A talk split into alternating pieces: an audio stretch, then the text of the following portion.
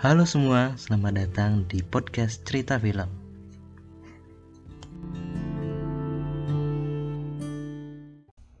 Kali ini saya akan membahas kembali ulas alur cerita film, di mana kali ini film yang akan kita bahas adalah sebuah film rilisan tahun 2015 berjudul In the Heart of the Sea. Film ini disutradarai oleh Ron Howard dan diadaptasi dari novel dengan judul yang sama. Di film ini intinya menceritakan di mana zaman dulu manusia mencari minyak di dalam perut ikan paus sebelum akhirnya ditemukan di dalam tanah. Jadi pada zaman itu, orang-orang berburu paus-paus di lautan lepas. Dan ini akan bercerita tentang sebuah tragedi yang menimpa salah satu kapal bernama Essex yang karam di lautan lepas dan menyimpan begitu banyak misteri. Jadi, langsung saja kita mulai ulasan alur cerita filmnya.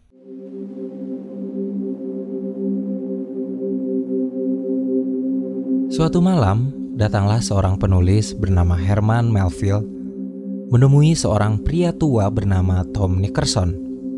Bukan tanpa alasan penulis itu menemui pria yang sepanjang hidupnya dihantui oleh masa lalunya yang sangat gelap. Penulis itu akan menanyakan segala sesuatu tentang karamnya kapal Essex. Tom Nickerson adalah satu-satunya orang yang sekarang masih hidup. Jadi, dialah satu-satunya orang yang tahu apa yang sebenarnya terjadi kepada karamnya kapal Essex. Karena penulis itu yakin kapal itu bukan kandas begitu saja, tapi ada suatu misteri di tengah laut sana yang membuat kapal itu karam, yang di mana hal itu membuat semua awak yang selamat menjadi pribadi yang berbeda ketika kembali ke daratan. Sekarang, Tom mulai menceritakan pelan-pelan apa yang sebenar-benarnya terjadi kepada kapal Essex, di mana itu belum pernah ia ceritakan ke siapa pun. Waktu itu usia Tom Nickerson masih 14 tahun. Essex adalah kapal terakhir yang berlayar di tahun itu. Maka dari itu Tom mendapatkan kesempatan untuk berlayar. Kapten yang saat itu menangani Essex adalah George Pollard dan mualim pertamanya adalah Owen Cass. Essex akan segera berangkat. Semua awak sibuk memasang layar agar Essex bisa berlayar. Malamnya, mereka mulai dibagi-bagi tugas oleh Owen Cass. Pada saat itu, Tom Nickerson begitu mual. Karena itulah untuk pertama kalinya dia berlayar. Tanpa diduga, Owen Cass sang alim pertama itu memberikan wejangan yang begitu berarti untuk Tom. Malam tiba, hari kemudian berganti. Besoknya, Kapten meminta Owen untuk meminta layar tambahan. Owen tahu betul, itu bukanlah keputusan yang bijak, karena di depannya akan ada badai. Tapi akhirnya dia menuruti keinginan kapten itu.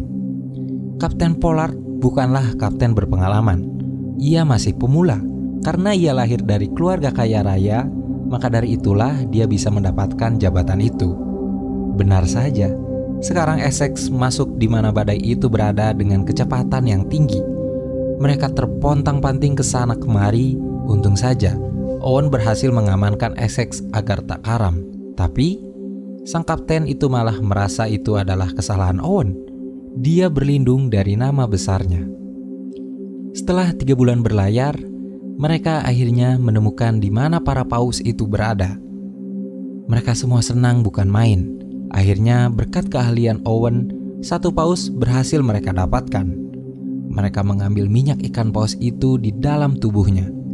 Minyak itulah yang akan menghasilkan uang.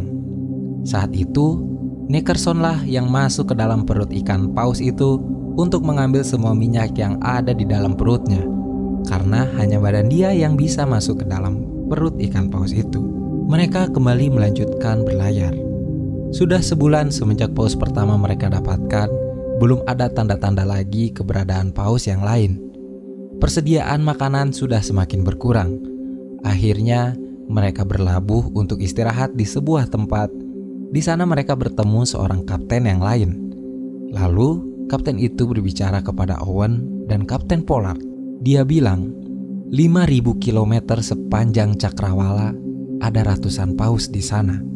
Tapi di sana, dia diserang oleh seekor paus yang begitu besar, di mana ia pertama kalinya melihatnya.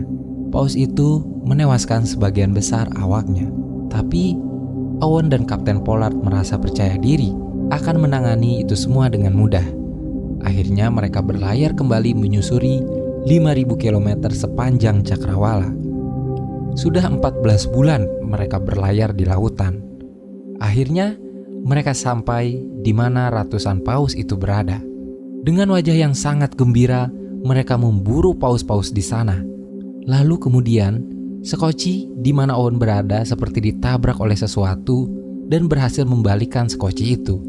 Ternyata itu adalah seekor paus yang begitu besar. Owen kembali ke Essex. Di sana dia memperbaiki Sekoci itu. Ada sesuatu yang kembali menabrak Essex. Essex ditabrak seekor paus raksasa. Owen semakin tertantang untuk melumpuhkan paus raksasa itu. Dia menancapkan panah itu, tapi paus itu begitu kuat, ia merusak kapal itu dengan sangat cepat. Sekarang, Essex mengalami kerusakan yang begitu parah. Air sudah mulai masuk ke dalam. Mereka membawa semua perlengkapan makanan dan yang lainnya ke dalam skoci. Minyak-minyak ikan paus yang sebelumnya mereka dapatkan mulai tumpah membuat itu meledak terkena percikan api. Sekarang, Essex sudah sepenuhnya karam. Tak lagi bisa digunakan. Para awak yang tersisa menggunakan sekoci yang terbagi menjadi tiga kelompok. Mereka kembali pulang dengan sekoci itu. Tapi, perjalanan pulang begitu sangat jauh. Tak ada satupun daratan yang dekat dengan mereka. Sekarang, sudah 34 hari mereka terdampar. Persediaan mereka tinggal sedikit lagi. Jadi, biskuit-biskuit yang ada mereka bagi-bagi agar semuanya kebagian. Kemudian mereka melihat sebuah daratan yang sontak saja membuat mereka senang bukan main. Tapi tak lama kemudian, Owen menyuruh mereka semua berhenti untuk mendayung. Owen melihat paus raksasa itu. Ternyata, paus itu mengikuti mereka selama ini. Paus itu menghancurkan sekoci yang ada dan menewaskan sebagian awak. Akhirnya, mereka terdampar di daratan dengan skoci yang rusak. Mereka begitu kelaparan sejadi-jadinya. Ia makan apa pun yang ada di sana. Hari demi hari mereka lalui di sana tanpa makanan ataupun minuman. Kemudian mereka semua melihat beberapa tengkorak manusia tergeletak di dalam gua. Tentu saja, Owen yakin tak akan ada kapal yang melintasi pulau ini. Jika mereka terus tinggal di pulau, maka mereka pun akan bernasib sama dengan tengkorak-tengkorak itu. Akhirnya, mereka memutuskan untuk pergi dari pulau itu setelah sekoci itu diperbaiki. Tapi, teman terbaik Owen, yaitu Matu, dia memutuskan untuk tinggal di pulau itu sendirian dan tak ikut pergi bersama mereka. Dengan berat hati, akhirnya Owen berpisah dengan teman terbaiknya. Sekarang, sudah 48 hari mereka terdampar di lautan lepas tanpa makanan. Saat itu ada satu awak yang meninggal mungkin karena kelaparan. Saat ingin dibuang ke lautan oleh salah satu awak, Owen langsung bilang, tak ada pelaut yang waras yang membuang apa pun yang bisa menyelamatkannya. Tom Nickerson bercerita itu kepada penulis tentang bagaimana jiwa-jiwa mereka semua sudah mati saat itu mereka memakan setiap bagian demi bagian dari awak yang sudah mati itu. Ia menceritakan itu dengan hati yang tergetar. 71 hari sudah mereka terdampar di lautan lepas, tanpa makanan, tanpa minuman. Di sekoci Kapten Pollard, untuk bertahan hidup mereka membuat sebuah undian, di mana yang kalah akan membiarkan badannya dimakan oleh awak yang lain. Hal itu memang sangat menyakitkan tapi itulah satu-satunya cara agar mereka bisa bertahan dari kematian. Suatu hari, saat mereka sudah diambang kematian, paus raksasa itu tiba-tiba menghempaskan tubuhnya ke udara. Mereka terus diikuti oleh paus raksasa itu selama ini. Owen sudah sangat siap untuk menombak paus itu. Tapi pelan-pelan ia mengundurkan niat itu. Ia mendadak kasihan melihat paus itu. Baginya, Tak ada gunanya sekarang membunuh paus itu. Akhirnya, paus raksasa itu pergi meninggalkan mereka. Sekarang, kedua skoci itu terpisahkan oleh arus yang membawa mereka. 87 hari setelah mereka terdampar, skoci Kapten Pollard ditemukan oleh sebuah kapal yang melintas. Yang tersisa hanya Kapten Pollard dan satu orang awaknya. Sedangkan skoci Owen terus berlayar menuju lautan lepas tanpa adanya makanan. 90 hari sudah Owen dan awaknya terdampar di lautan lepas. Keadaan mereka sungguh mengerikan. Badan mereka semua kurus bukan main. Mungkin mereka sudah tak sepenuhnya sadar hingga kemudian mereka melihat sebuah daratan. Tom Nickerson membangunkan Owen Cass. Mereka diselamatkan oleh penduduk di sana.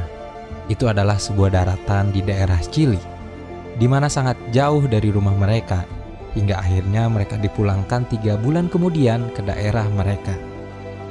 Di sana mereka disambut dengan tatapan yang sangat aneh oleh orang-orang di pelabuhan. Jiwa dan hati mereka sudah tertinggal di lautan lepas bersama karamnya Essex. Owen bersyukur bukan main.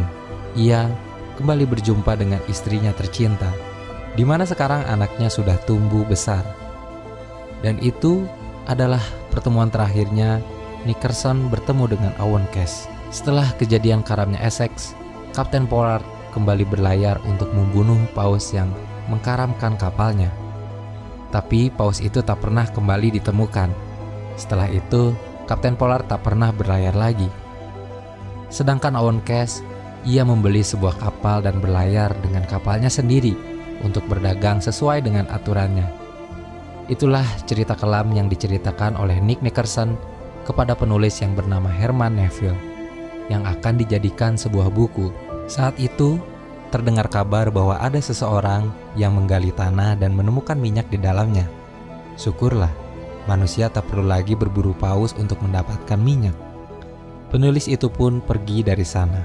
Herman Melville merampungkan novelnya pada tahun 1850. Dan novel itu menjadi salah satu novel terbaik sepanjang masa yang diterbitkan di Amerika Serikat sampai sekarang. Kemudian, film pun selesai.